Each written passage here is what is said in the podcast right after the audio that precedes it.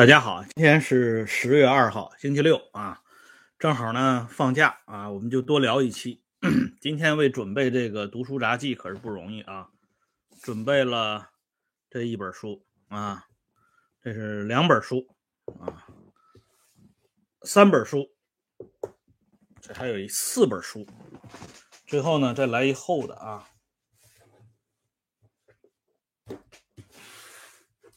五本书。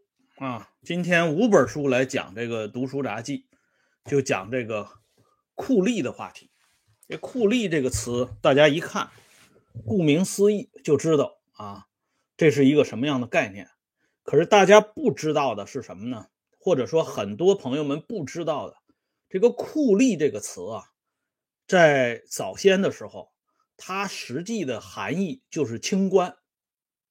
哎。有的朋友或许就感到疑惑了，说这酷吏怎么能跟清官联系到一起呢？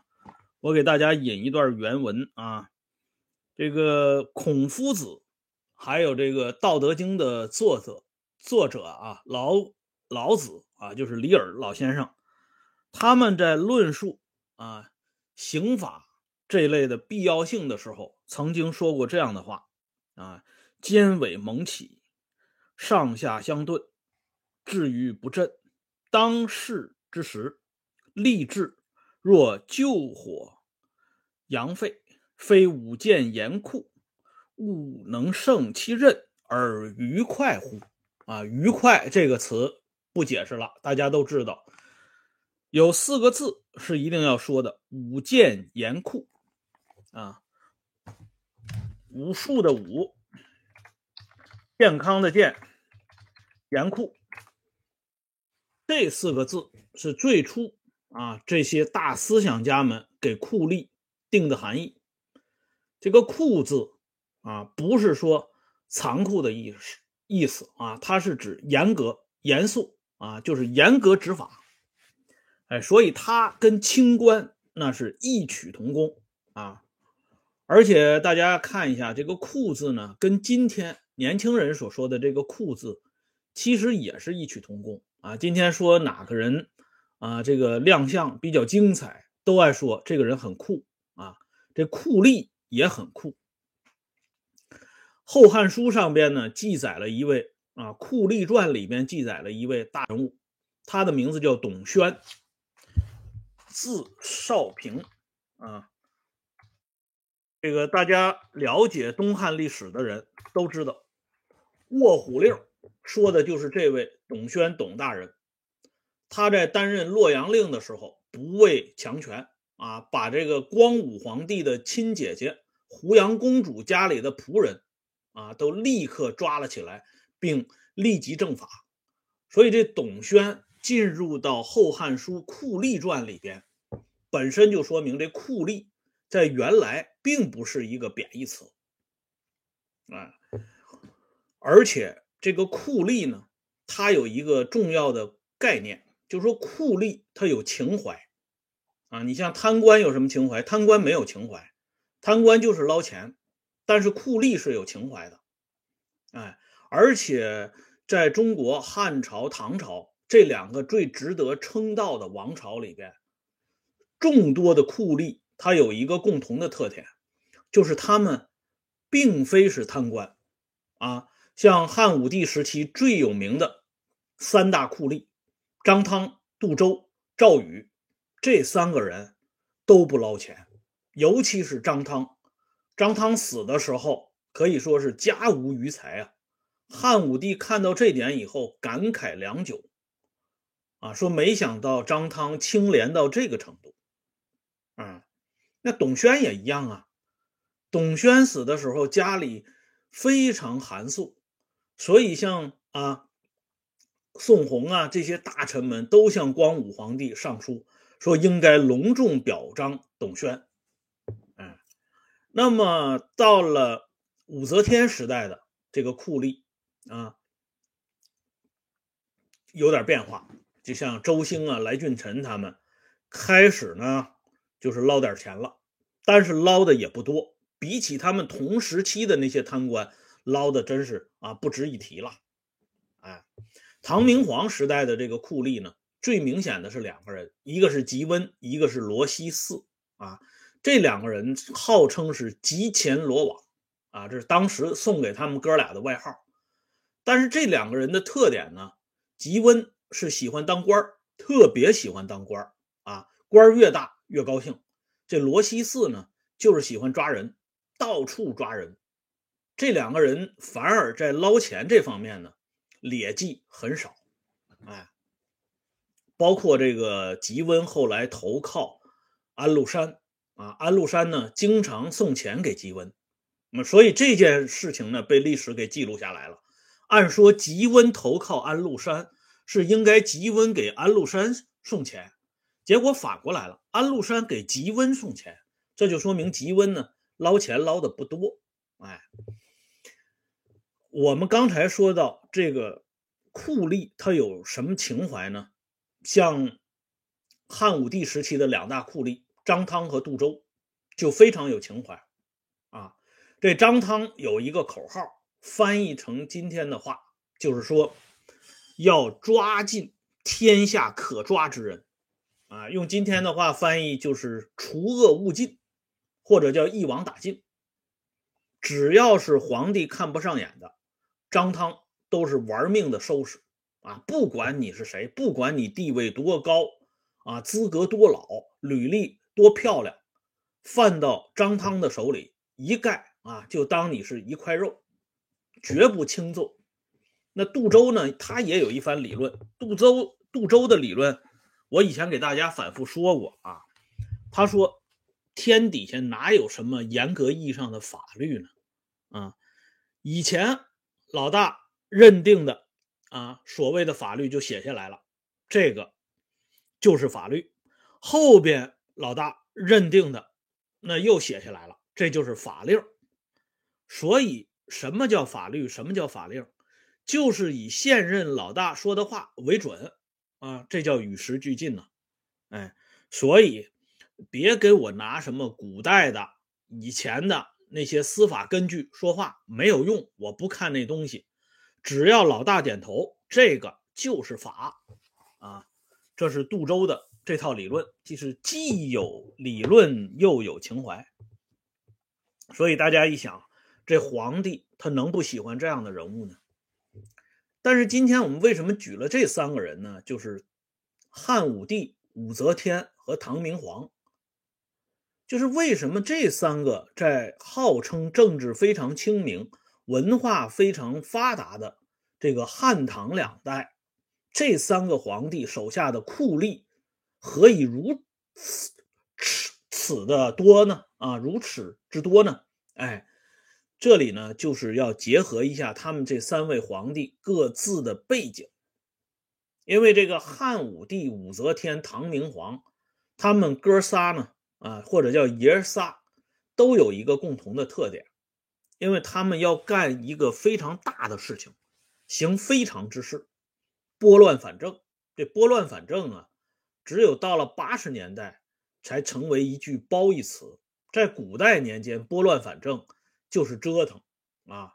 原来的他们认为不对了，他就认为这是乱的啊，我们就要翻过来，这就叫拨乱反正。在历史上，对武则天使用这个啊酷吏有这么一段话，《旧唐书·酷吏传》里边有一段序言啊，他就说。则天以女主临朝，大臣未复，伪证欲立，剪除中之。武后因之坐于堂顶。哎，《新唐书·酷吏传》这个序言呢，跟《旧唐书》差不多。这段话呢，翻译过来就是说，武则天一个女的当家啊，她怕大家都不服，所以她就大量的培植启用酷吏。用这种办法呢，把大家给吓唬住，然后他就悄悄的把唐朝的江山改成了他武周的江山，就这么来的。所以对武则天使用酷吏的这段评价，用在汉武帝和唐明皇身上也不为过，因为我们都知道汉武帝按照传承的顺序是轮不到啊刘彻来当皇帝的。应该是他的哥哥，后来封为临江王的刘荣。那唐明皇李隆基就更不用讲了，唐玄宗是靠两场政变起家的，哎，不论是大排行还是小排行，都轮不到李隆基。大排行，人家唐宗宗，人家啊往下传，啊，这叫大排行。小排行，从唐睿宗这一支算，那大哥也不是李隆基啊，所以。他们这三个人为什么特别喜欢用酷吏？根本原因就在这里啊。那么具体呢，我们来说一下这些酷吏啊。这个张汤渡舟的故事啊，赵宇的故事，我们就不用太讲了，因为这个呢距离大家很远，大家可能也不特别清楚。这个武则天时代的来俊臣、周兴啊，这个大家都知道，著名的成语“请君入瓮”就是这么来的。这个来俊臣这个人啊，非常这个严酷啊，非常残酷，发明了很多刑罚。后来呢，他因为得罪了武则天这个亲戚啊，亲属就是武三思啊、武承嗣啊，他们这些人，所以来俊臣就被搞掉了。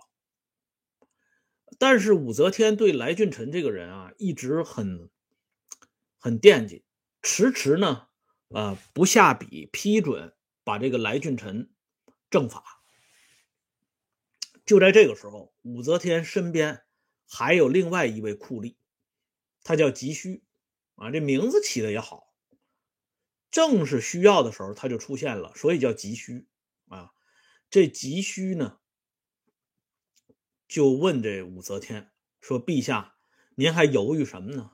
这来俊臣的这个报告已经送上来很长时间了。”您迟迟不做批示，底下人都等不及了。这武则天问了急需一下，说：“这个来俊臣这个人很有能力呀，啊，我这大笔一挥，这脑袋砍掉了，可就长不出来了。”这急需说：“他有什么能力呀？他除了乱咬别人，啊，然后呢，啊，这个私下里这个养了很多这个小喽啰，试图呢。”搞自己的小独立王国，这种人能力越大，危害越大，赶紧杀了，不能留。况且呢，群情汹汹，就是犯了众怒了。这为了一个来俊臣，犯得上惹大伙不高兴吗？况且这些人不是一般人，都是您老人家身边最亲信、最亲近的人啊！得罪老百姓不怕，得罪他们，那问题就大了。啊，武则天一下就琢磨明白了，于是大笔一挥，就把来俊臣给杀了。但是大家不知道的啊，这个或许会认为这个急需这个人真是好人呐，啊，如果没有他帮忙，这个来俊臣这么一个酷吏是不会落得这么一个下场的。可是呢，这个急需这个人也是唐朝历史上有名的酷吏，这个人的特点呢是阴，啊。来俊臣是酷，他呢是阴，哎，所以啊，要说打倒酷吏的，只能是比酷吏更阴更狠的人，嗯。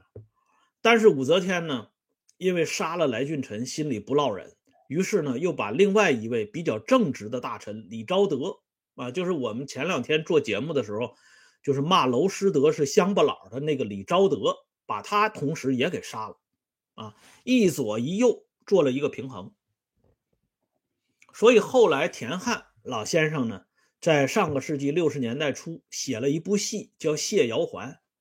这个《谢瑶环》里边就写到武则天杀掉来俊臣这个酷吏这段戏。本来呢，田汉是拍马屁的，这部戏啊是为了歌颂武则天的。他知道啊，有人喜欢武则天，管他叫法家。可是他万万没想到，这马屁拍到了马蹄子上面，因为喜欢武则天的这个人一看这戏，他就联想到你田汉是不是利用古人来讽刺我？啊，谢瑶环干的是什么事儿呢？他是平冤狱，所以大家才歌颂谢瑶环。那你这意思是不是说我们这个时代冤假错案太多了？需要有这么一个一个谢瑶环出来平冤狱呢，于是呢，哎，这位喜欢武则天的人就把田汉脑袋上画了一个巨大的问号，啊，忍了几年以后，终于把田汉给办了。所以呢，就是说老百姓说的那句话是对的啊，瓦罐千万要离锅沿远一点，马屁不能乱拍。这是武则天时代的这个酷吏。那么我们下边呢，再来介绍一个唐明皇时代的。刚才说的这个吉温，还没说到的是罗西寺。这罗西寺这个人狠到什么程度？我先给大家说一个人人名，这个人叫王巨啊。这个巨字呢，还是一个比较这个不常见的字啊。王巨，他在唐明皇李隆基做太子的时候，进入到李隆基的智囊团里边。这王巨类似于诸葛亮、庞统这样的人物啊，他跟李隆基的见面本身就很有传奇色彩啊。这个王巨大大咧咧的往里边走。然后这个时候有人就拦住他，说：“太子殿下在里边呢。”这王巨说：“太子殿下有太子殿下这个称呼吗？”人家那个工作人员人家生生气了，说什么话？怎么没有太子殿下呀？啊，皇上立的太子，天底下人都知道。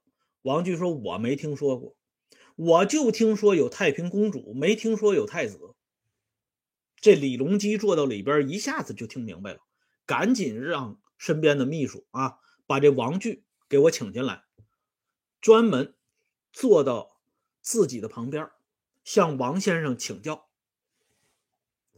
俩人就聊天了，都说掏心窝子的话。李隆基就说了：“他说你说的意思我都明白啊，咱们就不说这些片汤的话了，直奔主题。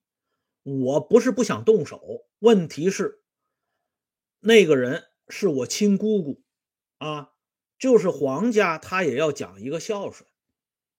这王巨说：“拘泥了啊，就是拘泥了，太拘泥了。因为天子之孝与百姓之孝不同，天子讲究的孝道是孝敬忠社社稷，而不是简单的孝顺父母。”啊，所以天子翻脸不认人，那叫大义灭亲啊；老百姓翻脸不认人，那叫刻薄寡恩。这李隆基一听，太有学问了，这王先生太有学问了，于是就决定对他的亲姑姑太平公主动手。这王巨的功劳就在这里，所以李隆基最终呢，当了皇帝之后，封王巨为公爵，国公啊，啊。但是王巨跟罗西寺这个酷吏有什么关系呢？有关系。等李落到皇位上以后，他就总结经验教训了，说这太子啊，权力不能太大。你看我当年就是因为当太子的时候，笼络了一帮啊爪牙，于是呢就把太平公主我姑姑，于是呢就把我老爹唐睿宗李旦。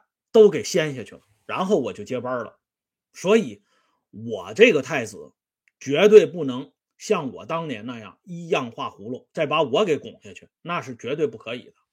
所以李隆基呢，连续杀了三个儿子，太子和光王啊，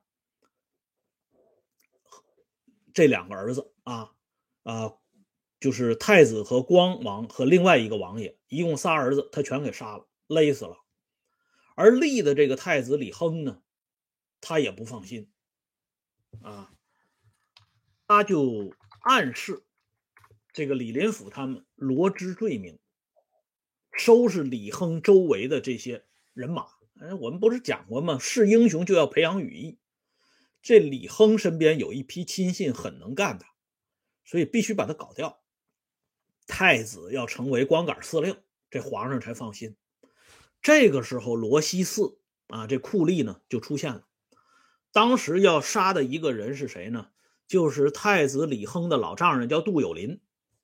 由杜有林牵扯了很多人出来。这罗西寺奉皇上的旨意，就是一路啊，从长安一路到江南，一路开杀啊，走一处抓一处，走一处杀一处。而这个时候，这个李隆基的开国功臣王巨在哪儿呢？他这个时候已经官啊，已经给贬的，贬到了江华县当司马，这个位置就跟这个白居易那个时候当江州司马是一个级别，这基本上就是县团级干部了啊！从这个中央领导同志变成了县团级干部。这王巨这个人啊，咱们知道他最主要的特点是聪明。他很早就知道信儿了，说罗西寺带着一班人啊，带着专案组南下了。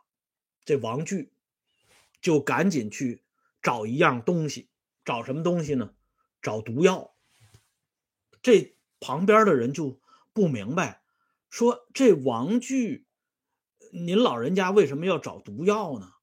这罗西寺是抓这杜有林的这些啊亲戚朋友。啊，还有这个以前的故旧，跟您老人家没关系呀。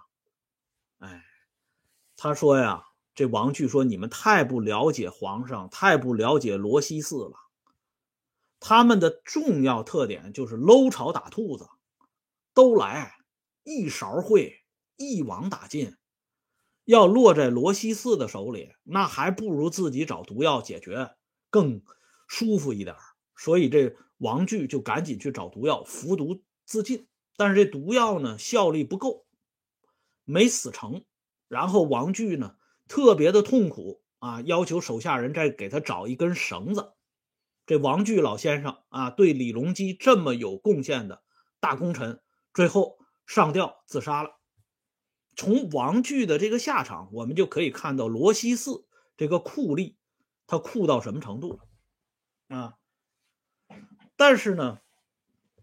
古往今来，大家知道的是酷吏的下场呢，嗯，不是特别好啊。尤其是这些小酷吏，什么来俊臣呐、周兴啊、索元礼啊，这些人都是被这个人家用过之后呢，就干掉了。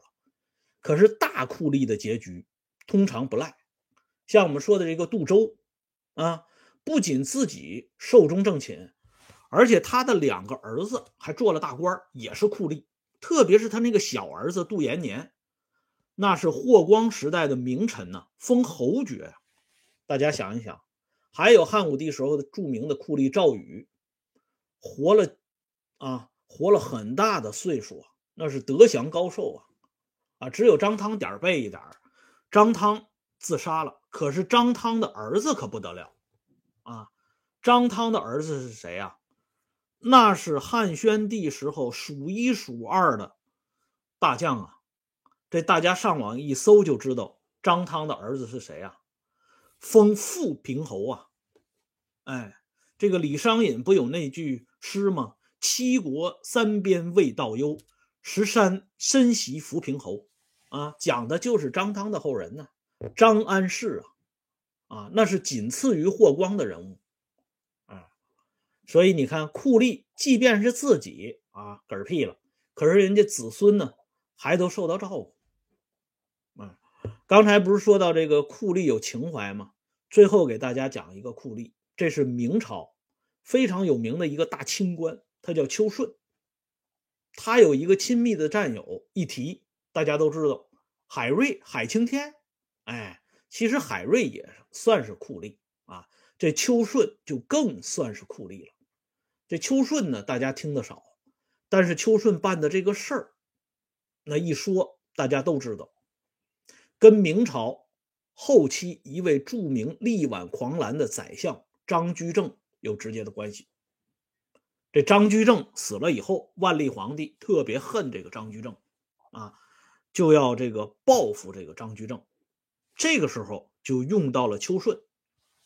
秋顺是清官呢，我刚才说了，清官酷吏他都是有情怀，以天下为己任，为皇上办事儿。就是为了天下的苍生百姓，哎，胸里呢，胸中立刻升腾起一种啊巨大的这种热浪啊啊！